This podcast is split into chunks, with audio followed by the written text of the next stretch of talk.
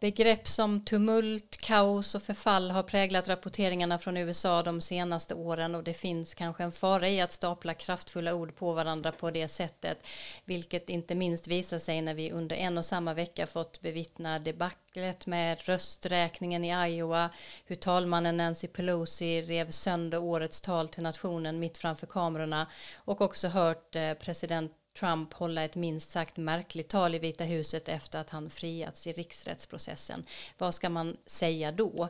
I Amerikaanalyspodden försöker vi reda ut det som finns bakom, sätta saker i ett sammanhang och förstå utvecklingen med hjälp av en historisk blick. I veckans program om spänningarna mellan de två maktgrenarna, kongressen och presidenten samt lite om valsystemet och vad som hände i Iowa. Missa inte heller vårt nya inslag Mitt Amerika, denna gång med Sveriges tidigare utrikesminister bland mycket mycket annat eh, Jan Eliasson. Varmt välkomna. I have a dream that one day this nation will rise up and live out the true meaning of its creed. This is a place where you can make it if you try. This is a country where anything is possible, no matter who you are. We do big things. Together, we represent the most extraordinary nation in all of history. What will we do with this moment? How will we be remembered?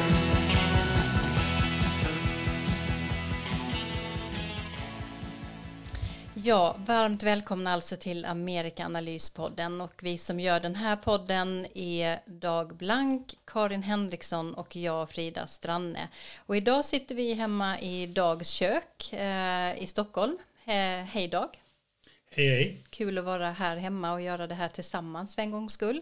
Karin, du är i Washington. Um, hallå där. Ja, hallå, hallå.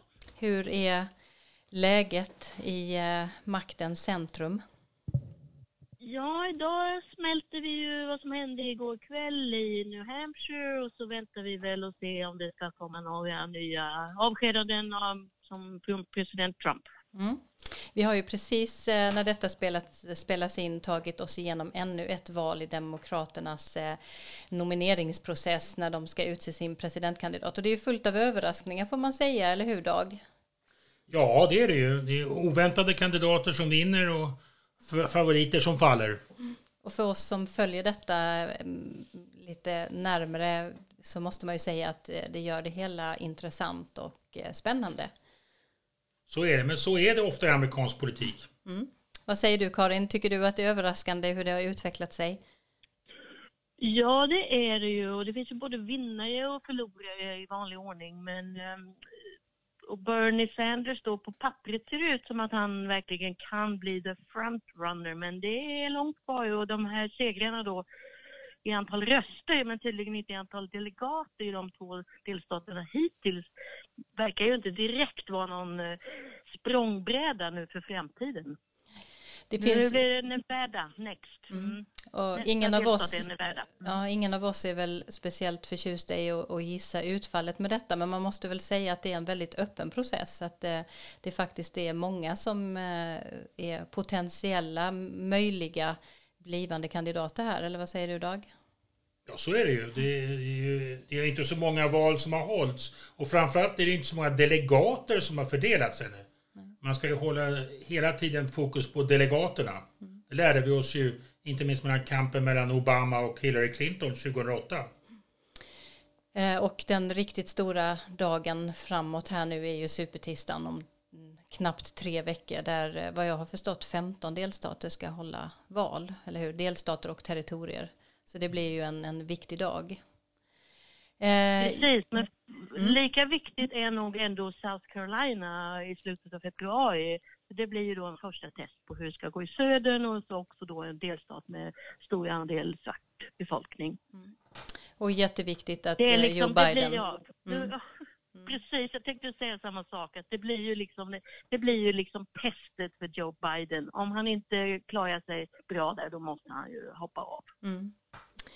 Annars så har ju den gångna veckan kanske skapat eh, ytterligare diskussioner och röster har höjts över tillståndet i USA eh, och vad som egentligen händer om maktbalansen fungerar. Det är många röster nu man hör som eh, inte längre uppfattar att, eh, eller om Trump eh, inte vinner valet i höst hur han ska agera då. Många betraktar det som pågår nu som en, en dålig dröm att eh, vakna ur. Hur ser ni på allt som händer? Eh, känner ni oro inför eh, det vi nu ser, Dag? Ja, det måste man ju säga att det är presidentens eh, hämndlystnad nästan här efter när, när han är frikänd från riksrätten. Hans avskedanden av olika personer och och statsvetarna talar om sådana här guardrails, som så, skyddsräcken som ska skydda systemet och se till att inte någon del tar för mycket makt. Och, och man undrar om de här guardrails längre fungerar. Jag tror att eh, Högsta domstolen är ju fortfarande en, en, ett sådant och framförallt chefsdomaren John Roberts han, han är nog en person som är väldigt angelägen om att inte Högsta domstolen politiseras i onödan och, och att, dessa, att systemet fungerar. Men hur det är med de andra ledamöterna där, det, det är, de nynominerade, det är lite osäkert. Men jag tror att John Roberts framstår mer och mer som en person som verkligen är angelägen om att systemet ska eh, fungera. Och vårt eh, för, första samtal för dagen eller tema eh, handlar just om det här. Frågan efter den här senaste tidens dramatik eh, och då tänker jag på just friandet av Donald Trump i riksrätten, hans State of the Union-tal och det han själv kallar firande. Är, om något egentligen kommer kunna åstadkommas framöver också i politikens Washington. Spänningarna nu mellan de två mäktigaste, Trump och talmannen Nancy Pelosi, har ju skärpts till bristningsgränsen. Pelosi signalerade att hon fått nog när hon rev sönder den här kopian av Trumps tal och Trump fortsätter att håna henne och andra demokrater med omdömen som galna, korrupta, eh, avskum. Eh, I den amerikanska maktdelningen väger presidentämbetet och kongressen lika tungt med ömsesidigt beroende. Eh, och innan vi talar lite om själva systemet så kan vi höra en liten snutt ifrån det här eh, tal State of the Union i, i år. Members of Congress, the President of the United States.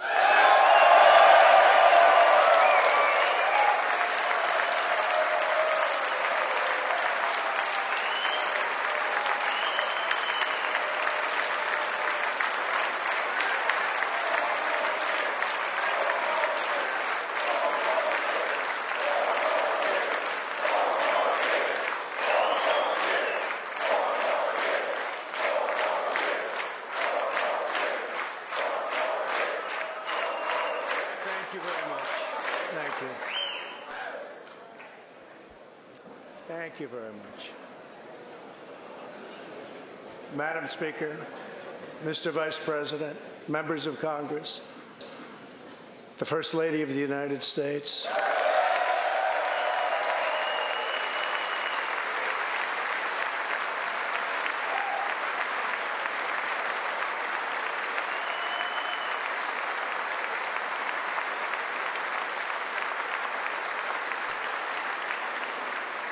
and my fellow citizens, three years ago, we launched the Great American Comeback.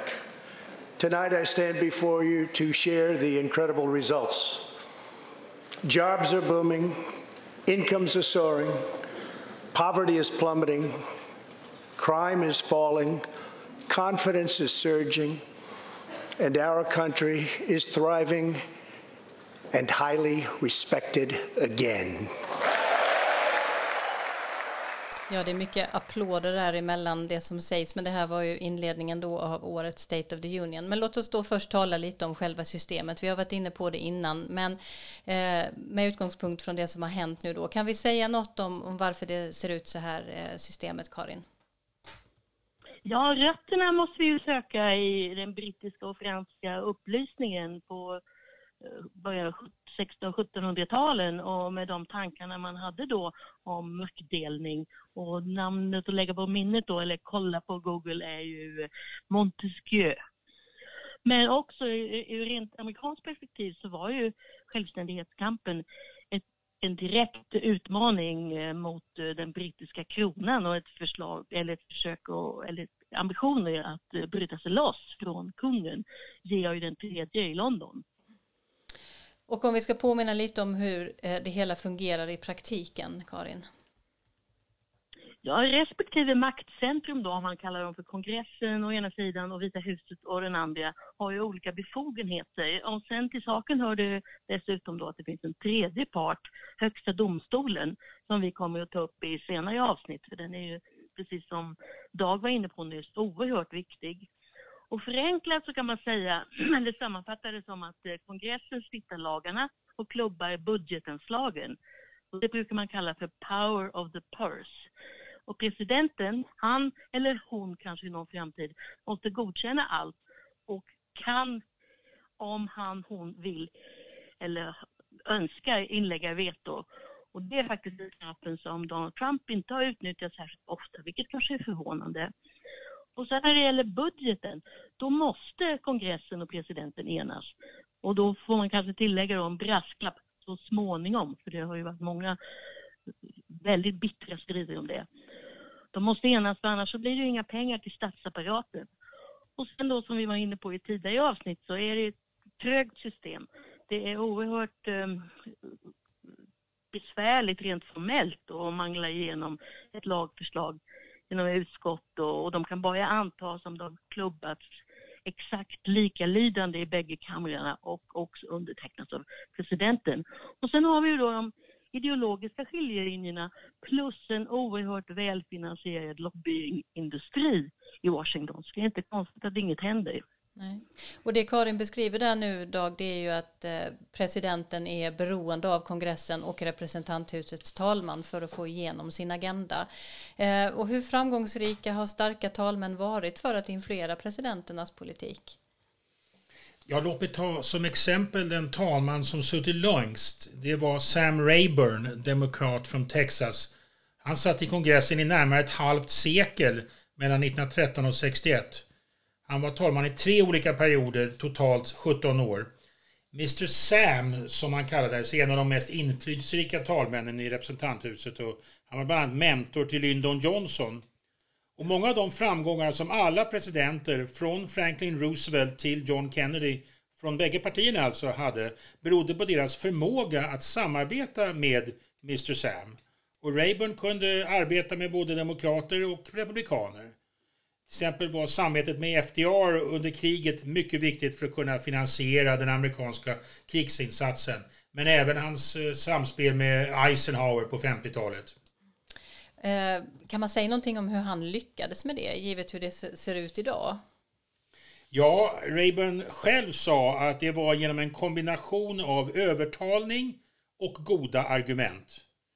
Han var mycket angelägen om att odla kontakter och vänskaper inom båda partierna och blev omtyckt och beundrad för sin humor och integritet. Och det la grunden till ett gott samarbetsklimat. En annan sak som han lär ha sagt var att tala alltid sanning. Då slipper du komma ihåg vad det var du sa. Och här kan vi verkligen se skillnaden mot dagens situation med de väldigt starka konflikterna och nästan en sorts oförmåga att, att, att samarbeta över gränserna. Um, kan man säga någonting mer om hur relationerna har sett ut historiskt mellan de här två maktgrenarna? Ja, historiskt sett så har ju partisplittring och konflikter mellan de olika delarna, det är inget nytt va? Man ska notera att partiväsendet och konflikter var inte något som grundlagsfäderna förespråkade. George Washington varnade för the spirit of the party i sitt berömda farewell address. Och i James Madison skriver i Federalist nummer 10, det berömda brevet, att en uppgift för regeringen är att bryta ner och kontrollera olika fraktioners, eh, gruppers inflytande. Men en, det till trots så ser vi ju att sådana konflikter ändå kom. Absolut, och de kom ganska snart där det uppstod ett partiväsende och stora konflikter. Eh, 1855, när den 34 kongressen öppnade, tog det över två månader att välja en talman för konflikterna var så skarpa. Mindre, man fick hålla på med 133 omröstningar innan man kom fram.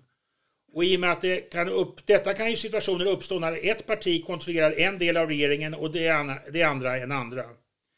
Och det är under, det är under, man ska understryka att det är sådana situationer av divided government som dessa konflikter uppstår. Som till exempel idag när Pelosi river sönder Trumps State of the Union. Finns det några målande exempel um, man kan ta, lyfta upp? Ja, på konflikter. En klassisk konflikt var i början av 1830 då kampen stod om den dåvarande amerikanska centralbanken, the Bank of the United States. President Jackson motsatte sig banken och den starka roll som den gav till den central centralmakten i USA. Medan både Henry Clay och Daniel Webster som satt i kongressen då i senaten var starka förespråkare för den här banken. Jackson vann till slut detta bankkrig bland annat genom att ta ut den federala regeringens pengar i banken. Vilket ledde till att senaten antog en så kallad censure-resolution mot presidenten. Det vill säga mycket skarpa fördömanden, snäppet under riksrätt.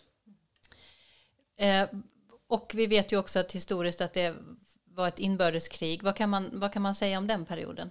Ja, inbördeskriget är en annan bra exempel på eh, vad som hände. Unionen föll ju samman. Det är det enda exemplet när USA inte kunde hålla ihop.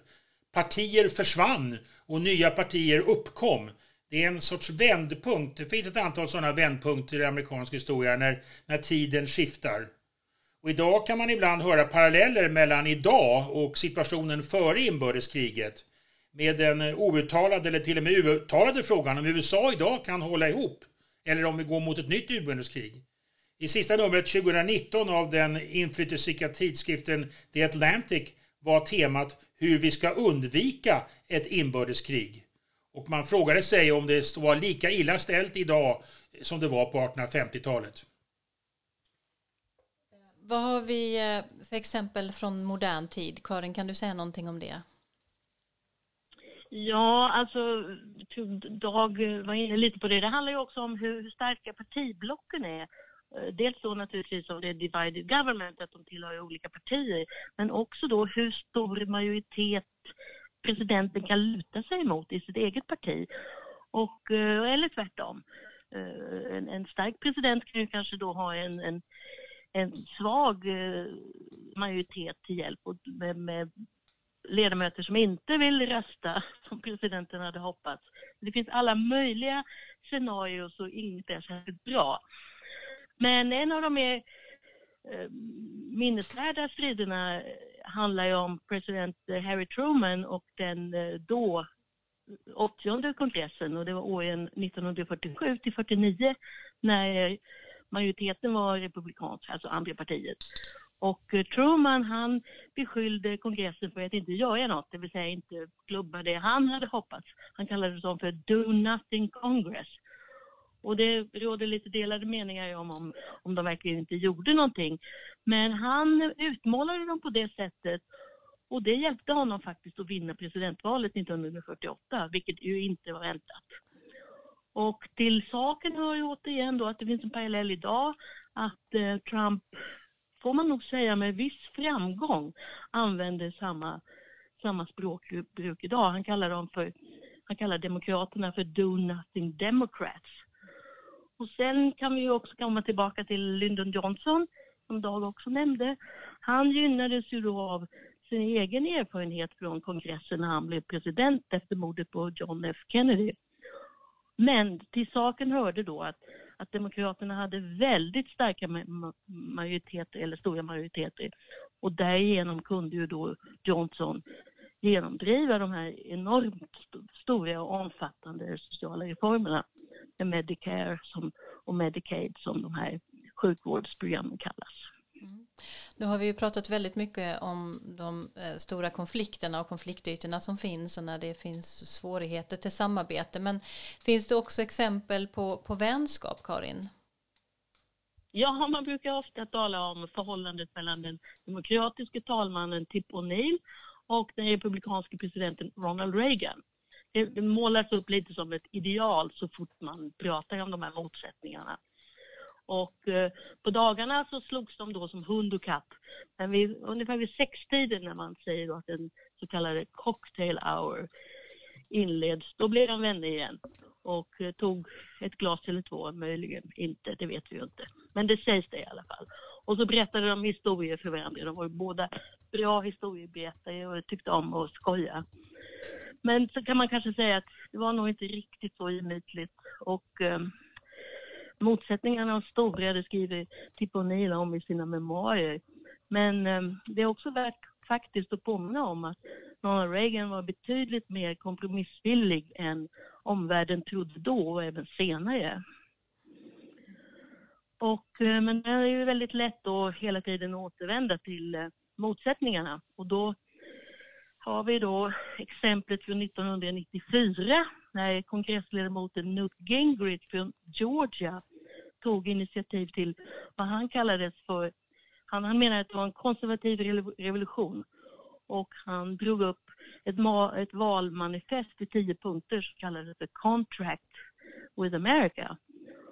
Och tack vare detta så fick då partiet otroligt framgång och eh, de tog över majoriteten i representanthuset för första gången på över 40 år. Men i Vita huset så satt Bill Clinton och han var inte beredd att gå dem till mötes särskilt långt och eh, det, det stod verkligen illa till och eh, med flera stycken sådana här så kallade government shutdowns där då kongressen inte beviljade pengar. Och Gingrich var den som i slutänden eh, utsågs till förlorare och eh, även om han då samtidigt höll på med, han var liksom den ledande figuren i riksrättsprocessen mot, eh, mot Clinton. Men han av, Gingrich avsattes i en intern kupp och tvingades lämna kongressen men samtidigt så hörde till historien att kontraktet med Amerika, eller ja, Contract with America, det var fröet till Tea Party-rörelsen och kanske till Donald Trump och den polariseringen som vi lever med än. Så det finns både vänner och fiender att ta upp. Mm. Um, om vi blickar lite då mot det som händer nu med utgångspunkt i all detta och kunskap bakåt. Finns det någonting som ni ser som skulle kunna lösa upp nuvarande spänningar? Dag, vad säger du om det? Det är, svårt, det är svårt att se någonting just nu. Det är ett väldigt låst läge. Man hör ju alla de demokratiska kandidaterna. Många av dem talar ju om att jag är den som kan ena landet och vi kan få landet tillsammans igen. Försöka överbrygga de här spänningarna. Men eh, jag ser inte några tecken på det nu. Vi kommer ihåg, det var ju Obamas stora mantra 2008 när han ställde upp. Yes we can. Men eh, spänningarna under Obamas tid blev ju lika stora och många säger ju egentligen att svaret blev no you couldn't. Vad säger du Karin? Nej, jag håller med Dag. Det, det ser ju väldigt dystert ut och eh, även om man talar om att det finns några sakfrågor som partierna borde kunna enas om så dels är de ju långt ifrån varandra i hur det skulle åstadkommas när det gäller till exempel infrastrukturen som man ju pratar om år efter år efter år utan att något händer. Men i nuläget då, eh, Donald Trump och, och talman Pelosi, de talar inte med varandra överhuvudtaget. De har tydligen inte haft något möte sedan i oktober. Och då att den ena parten skulle bjuda den andra på en framgång, det är nästan otänkbart. Och det kunde man ju då se på, på Trumps eh, retorik i State of the Union-talet han nämnde ju då det här eh, nya avtalet med Kanada och Mexiko som en av sina stora framgångar. Men det hade han inte fått igenom kongressen om inte demokrater hade röstat på det. Det sa, sa han inget om. Eh, och lite för att återknyta till det vi sa inledningsvis då också om att den, det, det, finns många nu som hävdar också till eh, som en konsekvens av den riksrättsprocess vi nu precis har lämnat att den amerikanska maktbalansen inte fungerar. Har ni någonting ytterligare att, att säga om det? Vad, vad, vad, tänker du om det Karin? Ja, det kan man ju med kan man ju absolut framföra den åsikten. Det, det visade ju sig att ett enigt partiblock då kunde bestämma sig för att och, inte överhuvudtaget gå till botten med det som hade skett. Och eh, det är ju inte särskilt bra för framtiden. Det är ju många som menar att, att Republikanerna svek sin ed att följa författningen och inte partiet och inte presidenten. Så det väcker många frågor inför framtiden. Ja, hörni, eh, det är eh, mycket kring detta nu och vi får säkert anledning att komma tillbaka till det också, men nu till någonting helt annat.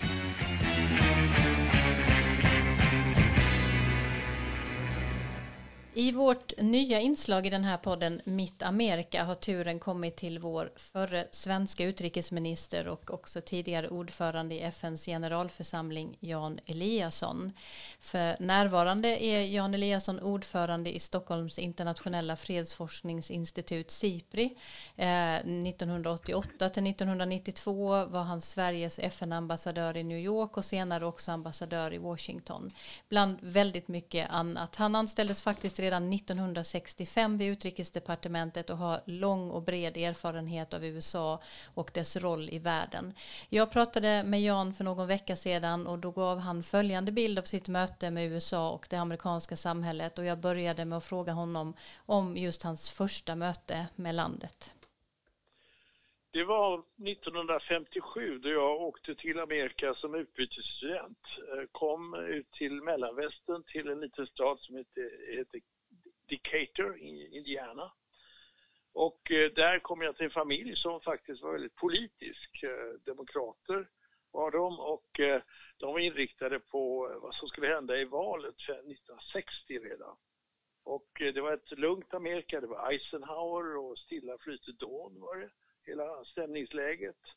Men det var behov av nya vindar också så att jag kommer ihåg att jag som yngling föreslog att de skulle bjuda in John Kennedy till Indiana. Och pappan i familjen där jag bodde, han var ordförande i Demokratiska partiet i Adams County som det hette. Och eh, han lät sig övertalas lite motvilligt. Han ville egentligen ha Estes Kefauver som var en god populist i den godaste meningen. Men eh, det visade sig att han kunde inte komma till eh, Jefferson Jackson Dinner så att det blev Kennedy som kom och min stora upplevelse som 17 eller 18 år var jag kanske. Det var att vid denna Jefferson Jackson Dinner så sa personen som var Master of Ceremonies Jack, welcome to Indiana. But I will tell you, you would never have been here if it hadn't been for this Swedish exchange student. Så att eh, jag fick stora applåder och blev intresserad av Jack Kennedy som då bara var kandidat till att bli president. Det var ett väldigt starkt minne av eh, det politiska livet redan på den tiden och brytningspunkten, brytningsprocessen mellan Eisenhower och, eh, och Kennedy. Hur skulle du vilja beskriva det amerikanska samhället? Vad, vad är kännetecknande enligt dig? Jag tycker man ska från början göra klart att det finns åtminstone två Amerika, två stora två stora block. Det som jag upplevde i Indiana känner jag igen senare i amerikansk politik, inte minst under de senaste åren när man diskuterat fenomenet Trump. Men det som jag såg då, det Amerika där, det var konservativt i Mellanvästern, det var eh, mot aborter, det var eh, patriotiskt eh, och eh, stolthet naturligtvis över landet, flaggan och handen på hjärtat när man sjöng nationalsången och så vidare. Eh, och fasta värden och gå i kyrkan på söndagar. Eh, det Amerika eh, är oerhört starkt och lever sitt eget liv. Sen har jag tillbringat väldigt mycket tid både i Washington och i New York och sett då det internationellt inriktade, det kosmopolitiska, det liberala, eh, lite sofistikerade också och det finns ju också på den andra kusten eh, i, eh, i Kalifornien och västkusten. Och det är ett annat Amerika. Det kan man se när man går på, ser på TV i Amerika nu. Och jag tycker det har varit så de senaste åren, till och med före Trump. Man kan se Fox News. Och man kan därefter koppla om till, koppla över till eh, CNN eller CNBC. Och det är en helt annan verklighetsbild. Och jag vet att ute i Indiana, Decatur, Indiana, så ser de på Fox News. Och i Washington, New York ser de på CNN och CNBC. Och det är två Amerika just nu och den tendensen, den splittringen, den polariseringen tycker jag har förstärkts. Hur har din, din bild av USA, du har lång erfarenhet av USA, hur har den förändrats genom åren? Ja, jag måste väl erkänna att jag har blivit mer skeptisk och pessimistisk om USA. Jag var ambassadör i Washington mellan 2000 och 2005 och jag var med om det stora misslyckandet med eh, Irak-politiken. De gick in där och mycket Cheney, vicepresident Cheney som drev fram det där. Och han jagade bort alla sunniter från makten i, i, i, i Irak med hjälp av Bremer som var någon slags vicekung där. De bröt upp Baathpartiet och de bröt upp eh, armén som var starka, starka delar av samhället och inte alls kopplade sig direkt till, eh, till eh, Saddam Hussein. Och det var ju faktiskt det som ledde fram till det elände som sedan följde och till och med till skapandet av IS, alltså Daesh eh, terrorverksamheten. Och sen tycker jag, märkte jag i Afghanistan-politiken också stod och stampade och på utrikespolitiska området var ju det som jag följde mest Syrien. Man ställde inte upp när man hade satt upp en röd linje vid användandet av kemiska vapen. Och på senare tid eh, svek man ut kurderna eh, mycket lätt. Och man började minska tilltron till amerikanska åtaganden och förpliktelser. Och det har ju också fått eh, återverkningar på tilltron till USAs löften till NATO, artikel 5 och man möts också utav Trump av en föraktfull syn på Europeiska unionen. Så att jag känner viss eh, oro och viss besvikelse över utvecklingen och den förändring som skett. Samtidigt finns ju detta andra Amerika, eh, synen på, den starka synen på maktdelning och, eh, att landet har en uppgift och att man ska vara demokratins, eh, en av demokratins ledande eh, stater. Men eh, det har också blivit naggat i kanten, den traditionen. Inte minst av Trump som ju till och med betraktar vissa delar av media som folkets fiender. Så att jag känner att det är en, en polariseringens tid, en brytningens tid där dessa krafter är väldigt starka. Och de är starkare än de varit på länge, det märker vi också i Europa. Och de är också politiskt framgångsrika när de splittrar och delar och polariserar. Vad tänker du då om, om framtiden eh, mellan de här krafterna? Vad blir avgörande framåt? Ja, väldigt enkelt. Detta val som ska äga rum nu i november i år är ju oerhört viktigt. Vi har haft eh, då eh, nästan fyra år av Trumps politik som egentligen varit en enda lång kampanj som bedrivits på samma sätt där man pekar ut eh, hjältarna, sig själva framför allt och inte minst presidenten själv och eh, utpekat andra som eh, faror för landet. Och presidentens roll som samlande som man alltid uppfattat den att vara har, man, har han helt släppt och blir han då vald för ytterligare fyra år och med en stor mängd följare som nu han mer och mer börjar betraktas som en movement, en, en rörelse, inte ett parti. Eh, då vet man inte riktigt vad som ska hända. Det känns för mig som vi har en påfrestning nu på demokratin och det var så oerhört självklart under många år som jag var, har varit i diplomatisk tjänst att se USA och även Storbritannien förresten som har liknande stötar på sin roll Eh, som de stora drivande krafterna för eh, den demokrati, demokrati som jag tycker är den bästa formen av samhälle. Men eh, vi är på defensiven nu och det som händer i USA handlar också om demokratins ställning och om, om dessa grundläggande värderingar ska, ska hålla i praktiken. Och därför så är valet oerhört viktigt. Det är, mycket väl kan bli så att Trump får fyra år till och sen kan det bli att det blir en, en demokratisk president och det är naturligtvis för de flesta europeer i alla fall hoppet. Å andra sidan så kommer det att vara en period där mycket har raserats. Och dessutom återstår då för Republikanerna att återupprätta ett republikanskt parti så som det var på den tiden när jag var ambassadör och långt tidigare. Ett parti som kunde göra kompromisser och som inte hade den här polariseringen som teknik. Och idag är det ju ett parti som inte alls liknar det republikanska parti som jag har följt genom åren. Jag till och med var första sekreterare på 70-talet i Amerika. Utan det är ju ett parti som är Trumps parti och där man är livrädd för att eh, lämna den, den väg som han pekar framåt. Så att eh, valet tror jag är det viktigaste nu framöver och eh, det blir oerhört spännande nu att följa valrörelsen och se vilken kandidat som kommer upp mot Trump. Men det är en formidabel motståndare och han trycker på knappar som utlöser känslor och det i sin tur går in hos många människor och eh, leder till att så många människor står vid hans sida ganska fast, till och med ibland fanatiskt. Tack så hemskt mycket Jan Eliasson.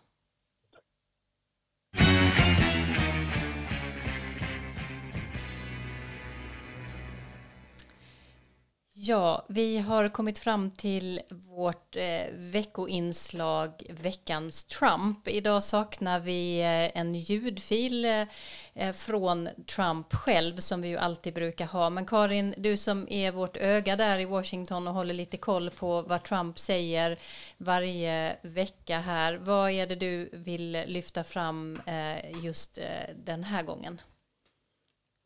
Ja, det här var ett ganska kort uttalande som jag tror nog kommer att minnas väldigt länge. Det var, på, det var efter friande domen i riksrätten och han var inbjuden som presidenten alltid är som huvudtalare på en, den så kallade National Prayer Breakfast med då ett, ett jätt, en jättesammandragning av eh, människor som tillhör olika samfund och religioner. Och eh, alla hade, eller inte alla kanske, men många hade trott att han skulle då visa någon typ av förlåtelse eller eh, ånger efter vad han då ändå hade varit huvudperson i för drama.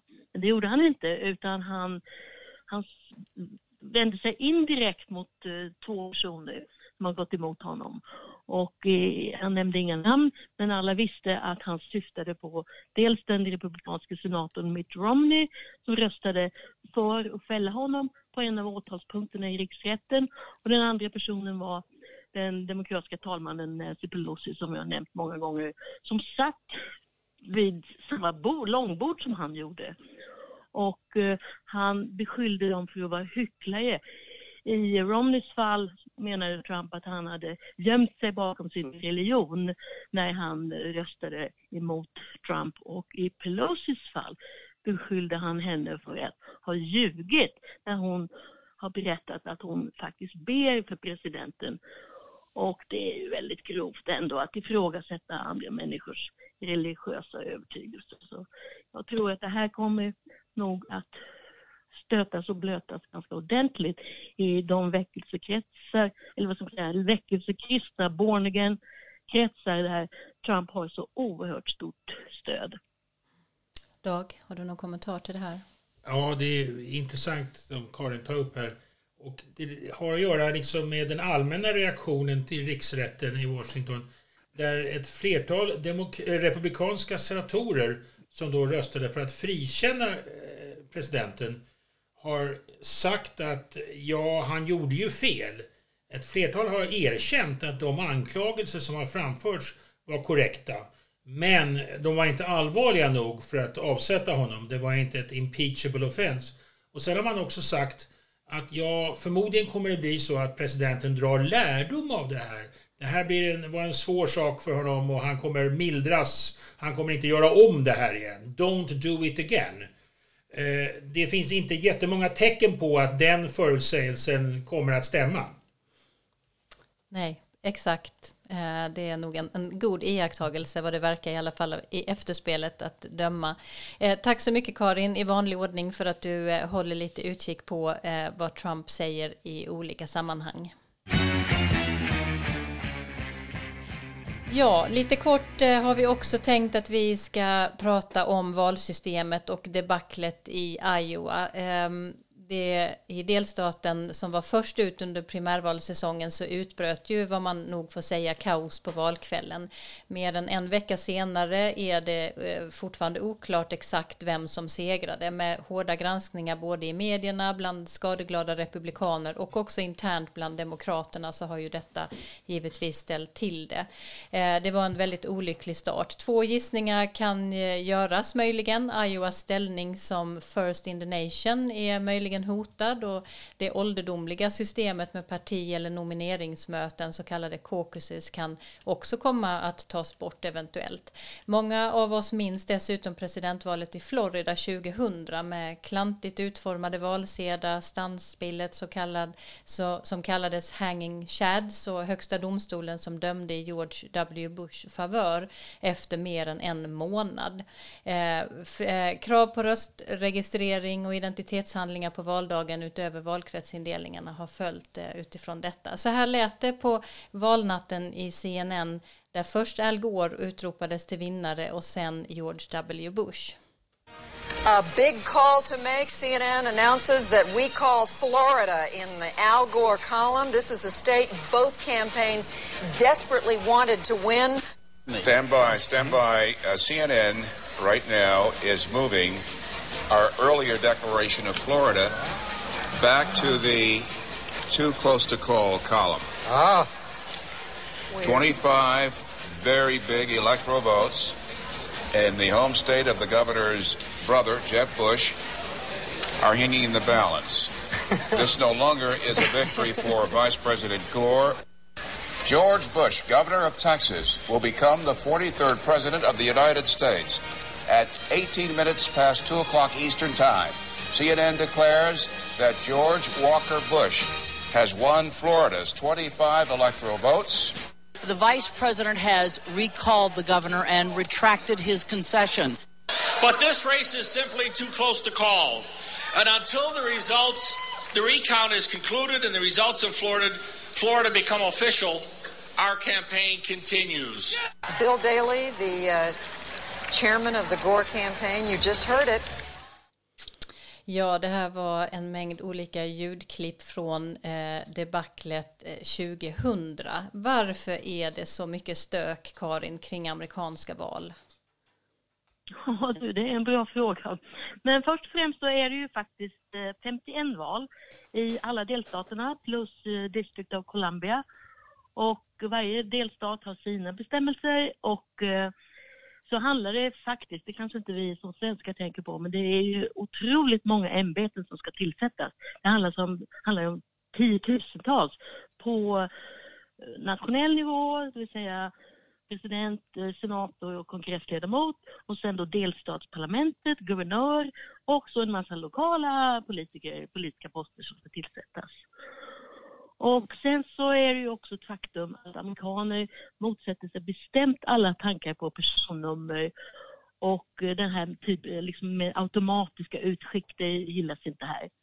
Så på de flesta ställen så måste väljarna själva ta eget, egna initiativ, alltså själva bege sig någonstans och registrera sig i röstlängden.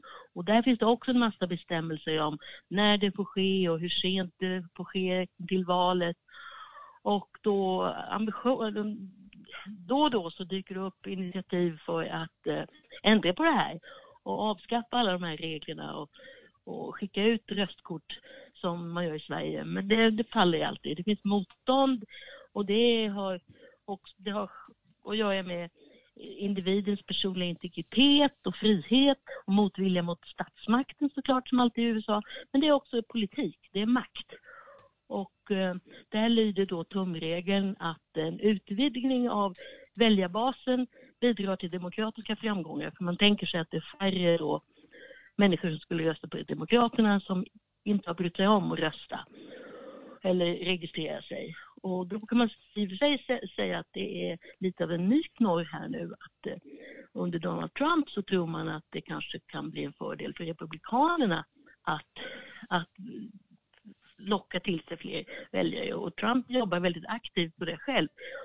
Så nu i november tror man ju att det kommer handla bara om några tiotusentals röster här och där för att avgöra.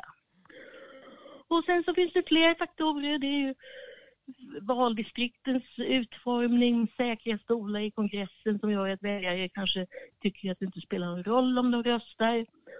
Och sen så har det också framgått med tydlighet, skulle man kunna säga, att eh, lokalpolitiker som ansvarar för valen och valprocedurerna brukar vara väldigt pigga på att använda ny utrustning det har då varit elektronisk röstning där det inte har funnits något sätt att kontrollera efterhand hur, hur det röstades.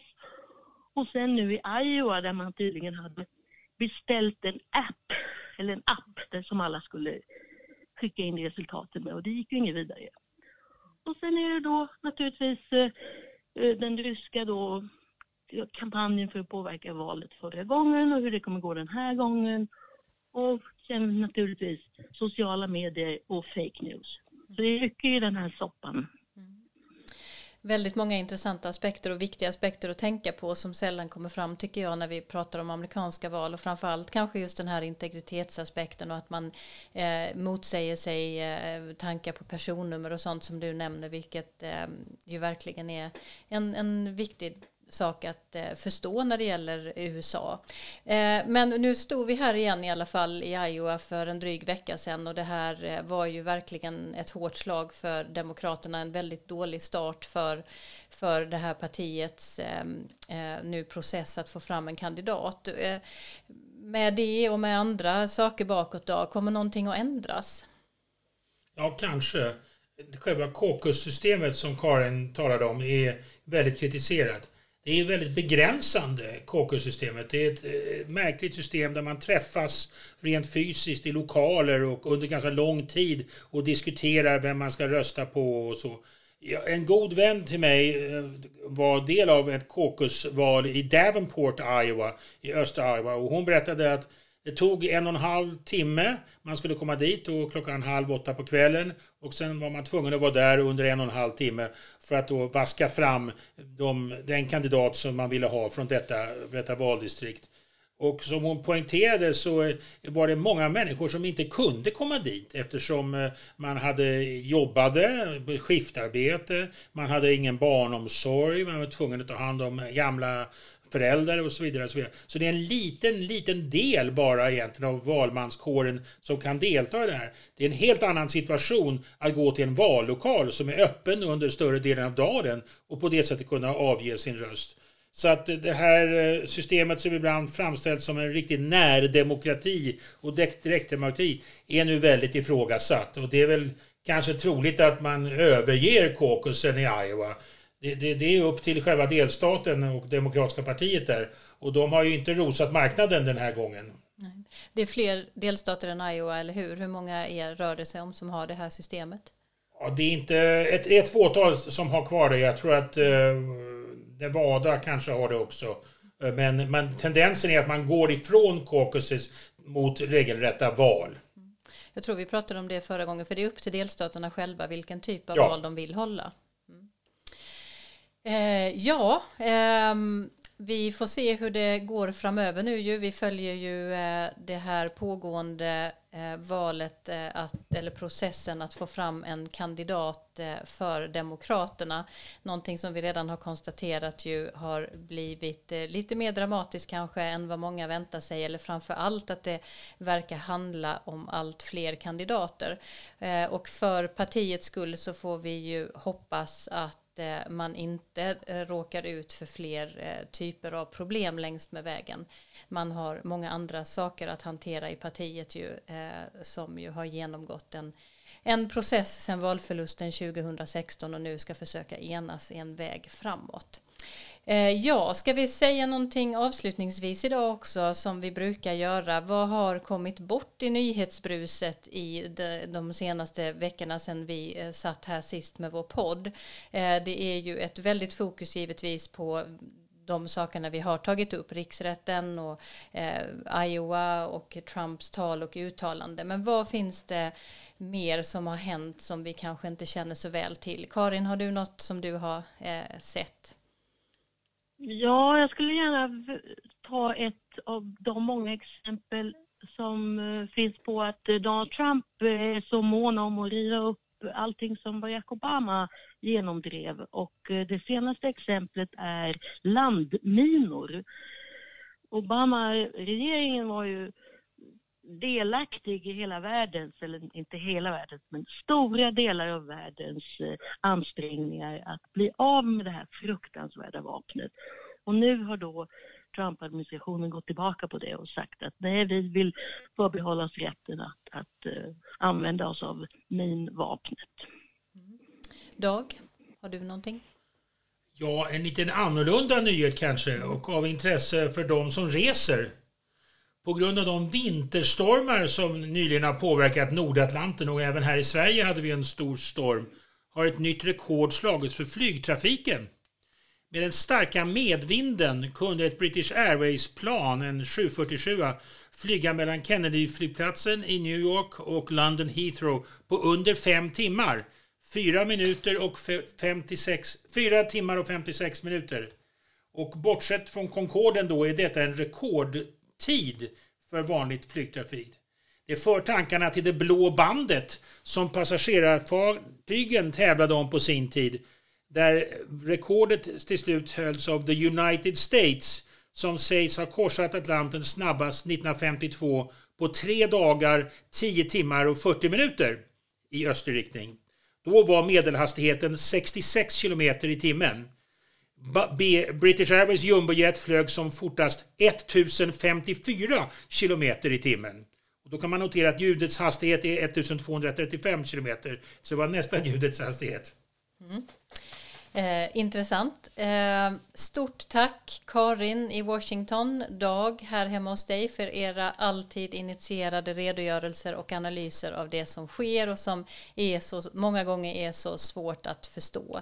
Väldigt trevligt Dag att eh, få sitta i ditt kök här tillsammans och banda det här. Eh, jag får tacka mig själv för tekniken som vi har klarat ut här eh, idag. Eh, jag börjar bli mer haj på det men det är också Johan Lindström som assisterar eh, på distans. Nästa Nästa avsnitt hör ni den 27 februari och ta hand om varandra fram tills dess. I have a dream that one day this nation will rise up and live out the true meaning of its creed. This is a place where you can make it if you try. This is a country where anything is possible, no matter who you are. We do big things. Together, we represent the most extraordinary nation in all of history. What will we do with this moment? How will we be remembered?